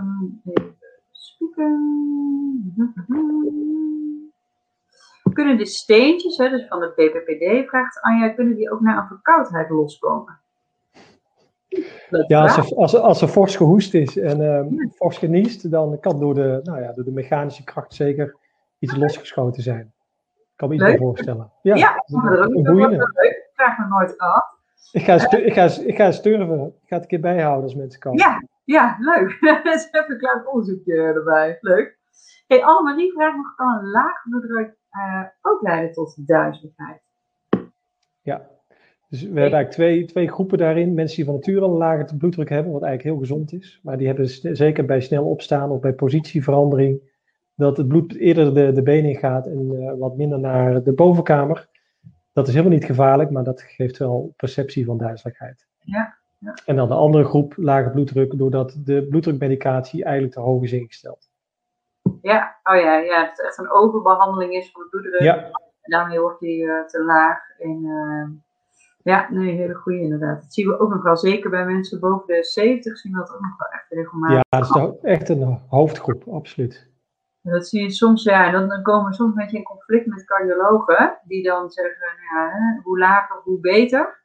Ja, op een gegeven moment als je zoveel last van hebt, hè, zoveel duizendheidsklachten erbij, ja, dan ben ik toch vaak geneigd om even met de cardioloog te overleggen van een groep kan het niet even ietsjes uh, minder. Want het is ja, vast goed voor je hart. Maar op een gegeven moment als je kwaliteit van leven daar zo uh, van achteruit gaat, dan vraag ik me af wat, uh, ja, wat nu het beste is voor je. Zeker, ja. Het, het, is een duivels dilemma, want er is aangetoond dat zeg maar de, de ouderen boven de 70, dat er heel veel valincidenten zijn. Ja. En die bloeddrukmedicatie is daar de hoofdoorzaak in. Dus het is een duivels dilemma inderdaad met de cardiale en de, ja. ja. de bloedvaten. Ja, ja nou, zeker. Helene vraagt, uh, intussen hoortoestemming gekregen in vier weken, rust en mindfulness zal ze zelfs tot de rust moeten brengen. Maar inderdaad perfectionistisch en een groot verantwoordelijkheidsgevoel. Je ziet inderdaad, daar zit een aanleg. Ja, ze herkent het al wel, hè, dus dat zit toch wel vaak er, erin. Uh, maar ook dat, uh, Linda, is echt allemaal ook te, trainen. Is allemaal, het is niet wie je bent. Het is, het is echt wat je hebt meegemaakt. Het vaak verweven met onze identiteit. Maar het is niet wie, jij, wie je werkelijk bent. Het is absoluut de moeite waard om daarmee aan de slag te gaan. Uh, het is dus zelfs een kroonjuweel om daarnaar te kijken. Wat, wat, wat zit daaronder wat die perfectionisme in stand houdt? Hm. En daar zit vaak systemisch wat achter. En dat is, een prachtig inzicht als je daarbij komt. Dus dat zit in onze projecten. Ja, bedoel je dan? Uh, ja. ja. ja, ja, ja, zeker. Ja. Zo ben ik er uh, toen in die retraite in uh, april achtergekomen dat ik echt super pleasant van aard ben. En ook vanuit mijn jeugd ontstaan en de scheiding van mijn ouders. En ik merk dat we een fantastische coach, ook Angelique van Hesten, zij is later ook in ons leefstofprogramma terug te zien ja, dat ik echt heb gemerkt sinds ik met haar ook aan de slag ben gegaan, dat pleasen echt maar een heel groot deel aan de kant heb gezet. Uh, en dat heeft me zoveel rust en ruimte gegeven en dat ik zoveel beter voor mezelf durf te kiezen. En niet hele bezig ben met wat anderen mogelijk van me zouden denken. Dus dat heeft me ook super veel rust gegeven. Dus ik kun jou die rust ook, uh, even kijken, Marleen zegt, ik heb oorzuizen in één oor. Is dat een voorbode van bijvoorbeeld de ziekte van Meniere? Of een voorbode van iets anders? Nee, dat wil ik heel erg benadrukken, dat dat zelden het geval is. Dus daar hoeft ze niet, niet bang voor te zijn. De kans dat ze Meniere ontwikkelt is heel klein. Als daarbij wel dus ook soms schommelingen van het gehoor zijn, dat het gehoor soms plotseling minder wordt, en daarbij treedt duizelig, dan kan het een voorteken van Meniere zijn. Maar alleen tinnitus, dat komt, één op de vijf mensen heeft tinnitus. Dus dat is een normaal fenomeen in de praktijk. Hebben we in de vorige eh, sessie hebben we dat helder verteld. Uh, alleen als de ernst van de tinnitus toeneemt, dan is er vaak wat aan de hand. En dan moet je toch na laten kijken wat daarin de bron is. Ja. Maar Meniere veelal niet. Nee. Dus Marleen, heb je de vorige nog niet gezien? Uh, kijk hem gerust even terug. Dus op mijn YouTube kanaal dus bij Dr. Tamara kun je hem gewoon nog uh, terugzien. Uh, Jan zegt, uh, mijn indruk is dus als je iets langzamer praat, je stem beter hoorbaar is. Mijn excuses Jan, ik heb de neiging om in mijn enthousiasme soms wat snel te praten. Dus dankjewel voor je feedback. Zal hem voor de komende, nou, het komende kwartier nog meegeven. Dus dankjewel daarvoor. waarom, waarom betrek je dit op jezelf? Het kan ook voor mij zijn. Oh. nee, nou, ik, ben wel gewend. Kijk, er zullen vast mensen zijn, ook met wat gehoorsklachten, die nu aan het luisteren zijn. En ik weet, vanuit mijn enthousiasme, vanuit mijn passie, kan ik soms wat snel praten. Maar ik denk, goh, het is voor mij een kleine moeite om daar een beetje op te letten. Dus uh, nee, het is, ik voel me niet, uh, totaal niet nou schuldig. En, oh, en ik slaap vannacht niet meer op. Dus maak je geen zorgen, het gaat allemaal goed. Als ik er enigszins rekening mee kan houden, dan doe ik dat heel graag. Even kijken. Uh, Brenda heeft nog wel een leuke vraag. Die zegt, wat is beter, omega-3 visolie of omega-3 algeolie? Ik denk daar wel wat van, maar Bas, ik ben natuurlijk heel benieuwd hoe jij daarin staat. Ja, fijn dat je die vraag aan mij overlaat, terwijl jij hier meer de expert op bent. Mijn, mijn visie, en ik, ook ik zal daar proberen rustig antwoord op te geven. Visolie is vaak toch verontreinigd uh, en algeolie uh, is de zuivere vorm en heeft de juiste component in zich. Dus ik zou algeolie adviseren, maar er zit wel een prijskaartje aan. Ja, ja ik denk, staat er hetzelfde in. Kijk, die vis die bevat niet van nature de omega-3 vetzuren. Die bevat omega-3 vetzuren omdat hij de algen eet. Ja, dan, in die vissen zit natuurlijk ook uh, vaak uh, voor allerlei verontreiniging. Dus kwik, plastic, nou, allerlei zooi die wij in de oceaan dumpen. Dus ja, als je portemonnee toelaat in de omega-3, dan zou ik ook voor algeolie, want dan haal je de, ja, de vis haal je er tussenuit. Dus helemaal eens, Bas. Ehm, even kijken. Oh, Marjolein, ik denk dat zij zelf fysiotherapeut is. Die heeft denk ik een, een, een, een sparvraag, zeg maar een collega-vraag. Begeleid een man van 30 met meniere. Het vorig jaar bijna dagelijks een aanval, aanval van 5 uur. Zo. Nu om de week een aanval. Wanneer het adem ontspanningsoefeningen geeft, kan het, uh, kan het juist een aanval opwekken. Een aanval van Meniere uh, kan zijn gehoorbeschadigingen en dat wil hij voorkomen. Kan zijn gehoor, uh, gehoor beschadigen en dat wil hij voorkomen. Toch ervaart hij zelf ook een relatie met stress. Wat, wat is wijsheid? En dus als ze ademontspanningsoefeningen doet, dan ziet ze dus dat dat een aanval kan opwekken. En nou ja, dan wordt meneer uh, weer bang van ja, maar kan dat nou weer uh, gehoorschade geven? Ja. Vaak is, is die balans van dat, we noemen dat autonoom zenuwstelsel, zo verstoord geraakt, dat elke behandeling die je met name in body-mind aspecten doet, uh, de boel weer omver kan gooien. Dus daar, daar komt die balans, of met name dat dunne evenwicht. Mijn advies is, de benière moet als eerste goed behandeld worden, dat er geen aanvallen meer optreden. Als er twee maanden geen aanvallen meer zijn en er is rust in de tent, kun je langzaam naar je body-mind activiteiten toe. Okay. Uh, en, en ik hoor dat feitelijk die behandeling van Meniere, zeg maar, door de KNO-arts of op reguliere protocollenniveau nog niet is goed, goed is ingezet. Nee, de, winst te behalen. Ja, daar moet eerst rust en dat kan. Dat kan met medicatie. Ja, helder. Hey, um, Petra vraagt, kunnen een tekort aan voedingsstoffen ook een rol spelen? Bij, Bij duizeligheid? Ja. Ja, we zien met name de in, inname van zout. Hè, dat kan leiden tot uh, duizeligheidsklachten. zien we vaak name bij ouderen bij voedingsdeficiënties. Uh, dus dat zien we wel. Dus uh, vaak prikt de huisarts dan natrium en kalium. En als dat te laag is, kan het zeker, moet het aangevuld worden. En dat kan zeker leiden tot duizeligheid, tekorten. Ja.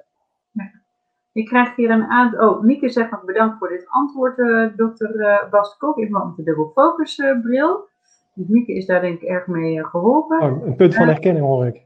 Ja, ik denk het haast ook wel als ik het zo, als ik het zo lees. Nee, ik heb nu een aantal keer gezegd een um, combinatie duizeligheid en whiplash. Kan je daar nog iets over zeggen? Ja, is een uh, heel boeiend terrein in mijn vak. Uh, want er is, ja, zijn heel veel nieuwe inzichten, maar ook mogelijkheden waarbij we dus in die driehoek waar we al mee bezig zijn, eigenlijk meer aan het kijken zijn naar een soort, soort integraal programma. Uh, dus waar we het al eerder over hebben gehad, omdat we die groep steeds meer zien toenemen. Hè? Dus eigenlijk die klachten rondom datzelfde nou, whiplash, wat mij betreft, in de, in de hersenstamhoek. Kort samengevat, wat bij een whiplash gebeurt, is feitelijk dat ook de doorbloeding naar de hersenstam is aangetoond dat het wat minder goed is. En um, dat vraagt dus heel specialistisch werk om te kijken van nou, wat, op welke niveaus moet je werken door middel van vestibulaire fysiotherapie, revalidatie en vaak dus ook chiropractie of uh, ja, manuele therapie.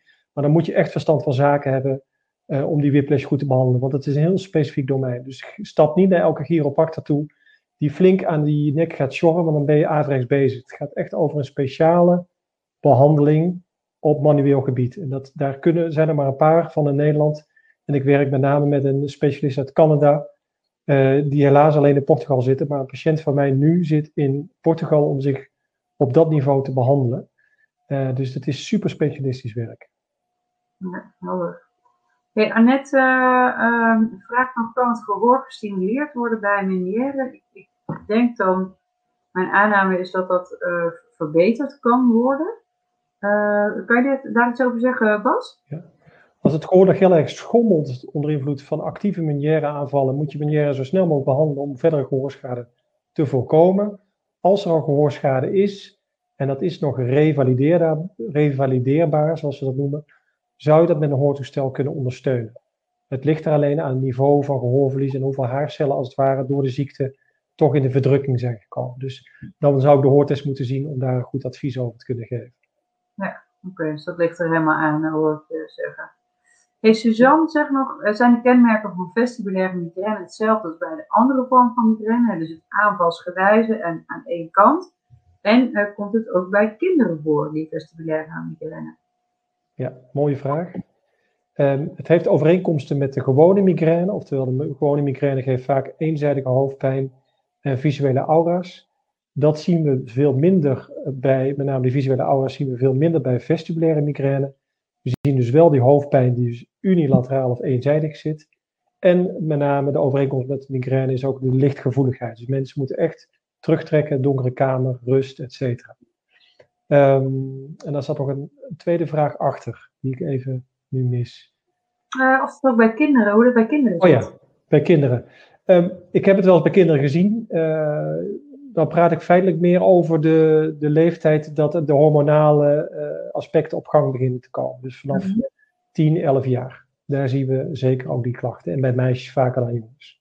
Jonger dan 10 jaar heb ik ze in mijn praktijk niet eerder gezien. Oké, oké.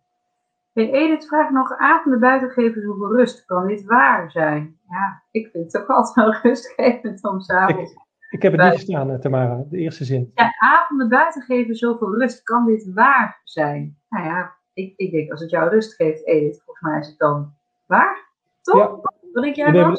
We nemen de wereld waar zoals we het zelf waarnemen. Ja, dus als het jou rust geeft, Edith, dan mag het weer, hè? Lekker naar buiten s'avonds. Uh, even kijken. Lydia zegt nog graag nog wat uitleg over de relatie flauwvallen en uh, bloedelijk hartstoornis zoals in het begin aangekondigd. Je hebt nog natuurlijk wel wat uitgelegd. Uh, kan je hier nog wat...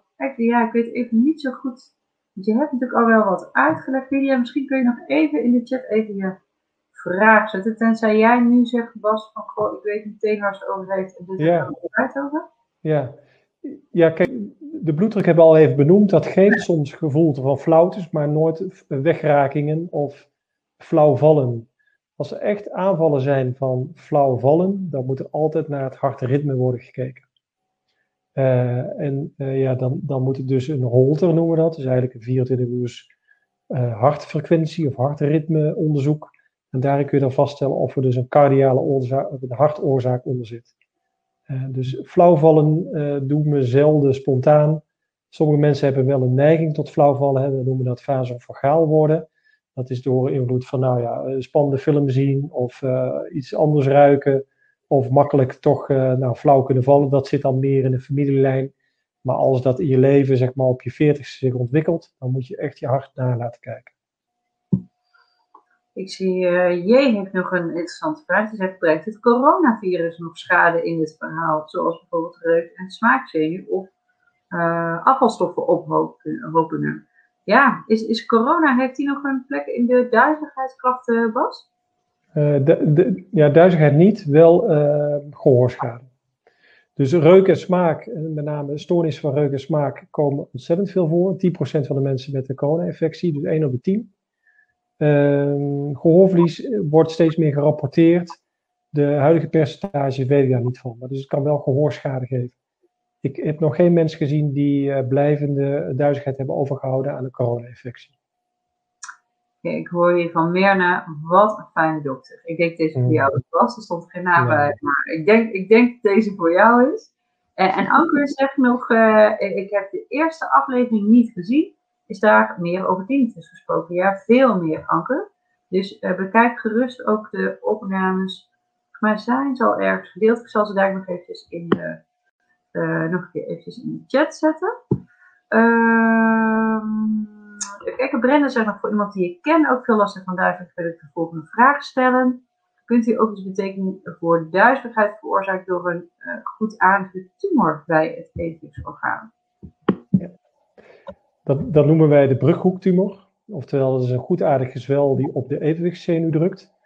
Um, en dat is feitelijk heel specialistisch werk. Het geeft geen duizeligheid, maar het geeft eigenlijk een balansprobleem. Dus mensen gaan eerst merken dat het gehoor achteruit gaat en dat de balans niet meer optimaal is. Het geeft eigenlijk nooit draaiduizigheid aanvallen. Dus dat is het belangrijke onderscheid. Als mensen komen voor zo'n brughoektumor, wordt er een scan gemaakt waarop dan zo'n gezwelletje wordt vastgesteld. En afhankelijk van de plek waar die zit en de grootte, uh, ja, wordt de behandeling eigenlijk uh, uh, vastgesteld. En die behandeling die wordt vastgesteld in de academisch ziekenhuis. Dus daarvoor werk ik samen met onder andere Leiden of Amsterdam, academisch ziekenhuis. En veelal is het een afwachtend beleid, dus wordt er niets gedaan. En wordt er elk jaar een scan gemaakt om te kijken of het eh, gezwelletje groeit. Als het gezwelletje groeit en ook op de hersenstam uh, gaat drukken, dan is het zaak of een bestraling of een operatie te laten uitvoeren. Dat is als het ware het patroon.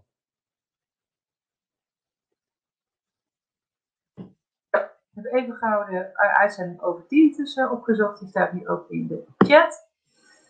Uh, nou, en dan is het nog vijf minuten. Dus ik ga even, ja, toch even. Dus volgens mij als we drie uur zouden nemen, Bas, dan hadden we nog vijftig kort. Uh, vraagt, als ik patiënt verwijs voor een consult en zorgplan, wordt het dan goed voor de verzekeraar? Goeie vraag, Janneke. Super goede vraag. Uh, dat is een heel belangrijk en een hot thema ook. Je ziet steeds meer dat uh, jonge specialisten, uh, nou ik ben niet meer jong, ik ben 48, maar specialisten met een, uh, nou, een bredere of een holistische visie, toch eigenlijk voor zichzelf starten. En het nadeel daarin is dat we vaak geen contracten kunnen sluiten met zorgverzekeraars. Want er zijn zoveel zorgverzekeraars dat ehm, ja, bij iedereen een contract afsluiten heel lastig is. Dat is een proces, maar wat is nu wel geregeld, is dat we sowieso in de basisverzekering zitten waarbij ik in mijn praktijk zo geregeld heb, het deel wat als het ware niet vergoed wordt door de zorgverzekeraar, dat mijn praktijk dat ertussen uithaalt. Dus vanuit mijn praktijk geef ik de garantie dat het vanuit de basisverzekering wordt vergoed. Uh, je moet daar natuurlijk wel je eigen risico uh, natuurlijk bij, uh, bij innemen. Ja, super. Nou, dat is in ieder geval mooi om te horen. even spieken. Ik zie hier, ja, mijn dochter die heeft dus het is zo weinig webinars geweest. Waarbij het gewoon tot het einde hebben volgehouden. Wij niet even met de dochters binnenkwam kanjeren. Oh, mijn, mijn, mijn, moeder, die bij de vorige webinar aanwezig was, vond het zo schattig. Dus uh, het geeft een ja. huis, huis, huiselijk gevoel. Eh. Het is uh, echt, nou ja, alle mensen die thuis werken, veel Zoom-sessies en zo, die zullen dit herkennen. En die ouders had natuurlijk al lang moeten slapen, maar die vinden het toch zo interessant. Dus die komen even toch nog even hier zit ze zo op de deur te tikken. Uh, even kijken.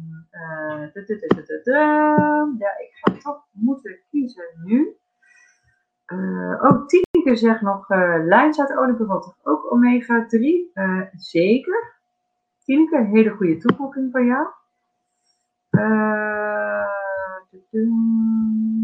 ja, deze is volgens mij nog niet helemaal te sprake gekomen. Ja, misschien wel, misschien niet. Dan Sanne, uh, als ik te snel opsta of te snel omdraai, word ik duizelig. Komt dat ook door het evenwichtsorgaan? Je hebt er al wel wat over gezegd, uh, Bas. Zou je deze nog even kort kunnen beantwoorden? Ja, het is een mooie vraag tussen het verschil tussen eh, bloeddruk en BPPD. Dus bij snel opstaan, als je dan licht of dronken in het hoofd wordt, bij snel opstaan of omdraaien, is het vaak de bloeddruk. Als je heftige draaiduizigheid, die eigenlijk na 20 seconden ongeveer stopt, eh, bij een houdingsverandering, dan is dat BPPD. Dus er moet altijd een draaisensatie zijn. En het verschil tussen draaisensatie uitwendig of inwendig, je kunt inwendig draaien, dat past weer bij bloeddruk. Maar uitwendig draaien is echt dat je de wereld om je heen ziet tollen en dat is BPPD. Sorry, help me even. Inwendig draaien, wat, wat merk je dan? Ja, dan zeggen ik word draaierig in het hoofd feitelijk. Of ik ja, sorry. En dat kan zeker ook bij het bloeddrukverschillen optreden. Dus dat is het verschil. En anders alsof de wereld echt om je heen ja. uh, draait. Um, uh, Petra zegt nog, als HSP uh, eh, zijn rol speelt bij het evenwichtstoornissen, is er dus eigenlijk niets aan te doen. Dan maar ermee leren leven en grenzen bewaken, of is er een andere tip? Ja, dus belasting belastbaarheid, dus grenshantering is superbelangrijk. Maar we zien als het een aangeboren HSP is, vaak toch lastig behandelbaar. Maar moet je met name je kwaliteiten en je zegeningen tellen en als het ware de andere zaken voor lief nemen. Als het meer een, een ontwikkelde HSP is, hè, door of een emotioneel trauma, of dat je gewoon veel chronische stress hebt, of overbelasting in het werk, et cetera, is dat supergoed behandelbaar. En dat, dat is waar, waar we die integrale trajecten voor ontwikkeld hebben. Ja, nou dan uh, wil ik afsluiten met uh, D3. Daar komen nog wat vragen over binnen. Dus iemand is van 32 naar 75 gegaan. Nou, dan ben ik als huisarts al best tevreden. Jij ook, uh, Bas, 75? Ja, zeker. Maar kijk, we meten vaak vitamine D3 in het bloed en dus niet in de cel. Uh, dus het kan nog een onderwaardering zijn. Dus dat is een belangrijk verschil ook. Maar ik word hier wel blij van dat er in ieder geval uh, toename is in het, in het systeem. Ja. Zeker. En nou ja, hoeveel wordt er vaak dan nog gebruikt? Ja, ik adviseer zeker mensen met klachten, adviseer ik altijd in ieder geval echt minimaal 20 microgram, heel 25 microgram uh, uh, per dag. Dus dat zijn tussen de 8 en 1000 uh, internationale eenheden. Dus dat is hetzelfde, alleen dan net even een andere benaming. De vraag is ook, ja, kan je te veel nemen? Nou, volgens mij moet je het redelijk bond maken. Wil je echt te veel nemen? Als je een beetje zo 20, 25 per dag. Als je nou heel laag zit, dan kan je ook via de huisarts kan je ook een boost krijgen van wel zelfs 25.000, 100.000 eenheden. Maar laat het echt eventjes meten als je klachten hebt. en even afhankelijk van je waarde dus aanvullen. Um, en ja, Bas, heb je, ben je het hiermee eens? Of zeg je nee, ik wil het heel nee, anders? Ik ben het er zeker mee eens, maar ik ben ook benieuwd. Want ik adviseer mijn patiënten ook vitamine K2 erbij te gebruiken. Omdat studies laten zien dat het een positief effect heeft op het vaatsysteem. Ik weet niet hoe jij dat integreert of hoe jij dat adviseert binnen jouw programma's. Nee, ik moet heel eerlijk zeggen dat ik me echt bij de, bij de D3 hou. En natuurlijk de B12, uh, hè, als mensen heel weinig dierlijke producten nemen. K2 doe ik eigenlijk niet. Maar dat vind ik een leuk onder, onderwerp voor ons volgende gesprek. Superleuk. Nou, ik zie dat het half tien is. Dus ja, ik weet, ik had het al van tevoren gezegd, hè, maar ik was al een beetje bang voor. Er zijn zoveel vragen binnengekomen dat we, ja, dat we hem helaas niet hebben kunnen beantwoorden. Nou, Bas, mensen kunnen jou bereiken via de website, waar ook nog heel veel informatie in staat.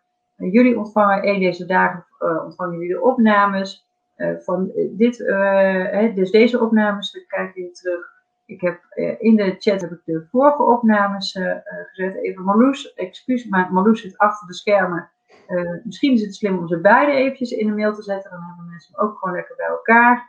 Jullie ontvangen ook nog de, de PowerPoint of de presentatie in een PDF. En jullie ontvangen het aanbod voor een gratis deelname van het online leefstijlprogramma. Nou, Bas, nogmaals ongelooflijk bedankt weer voor jouw inspirerende verhaal. En ja, je bereidheid om hier een tweede keer dus uh, te komen. Uh, en ja, jullie allemaal ontzettend bedankt voor het, voor het kijken en luisteren. En ik wens jullie een hele mooie, rustige avond en hopelijk tot een volgende keer. Dankjewel.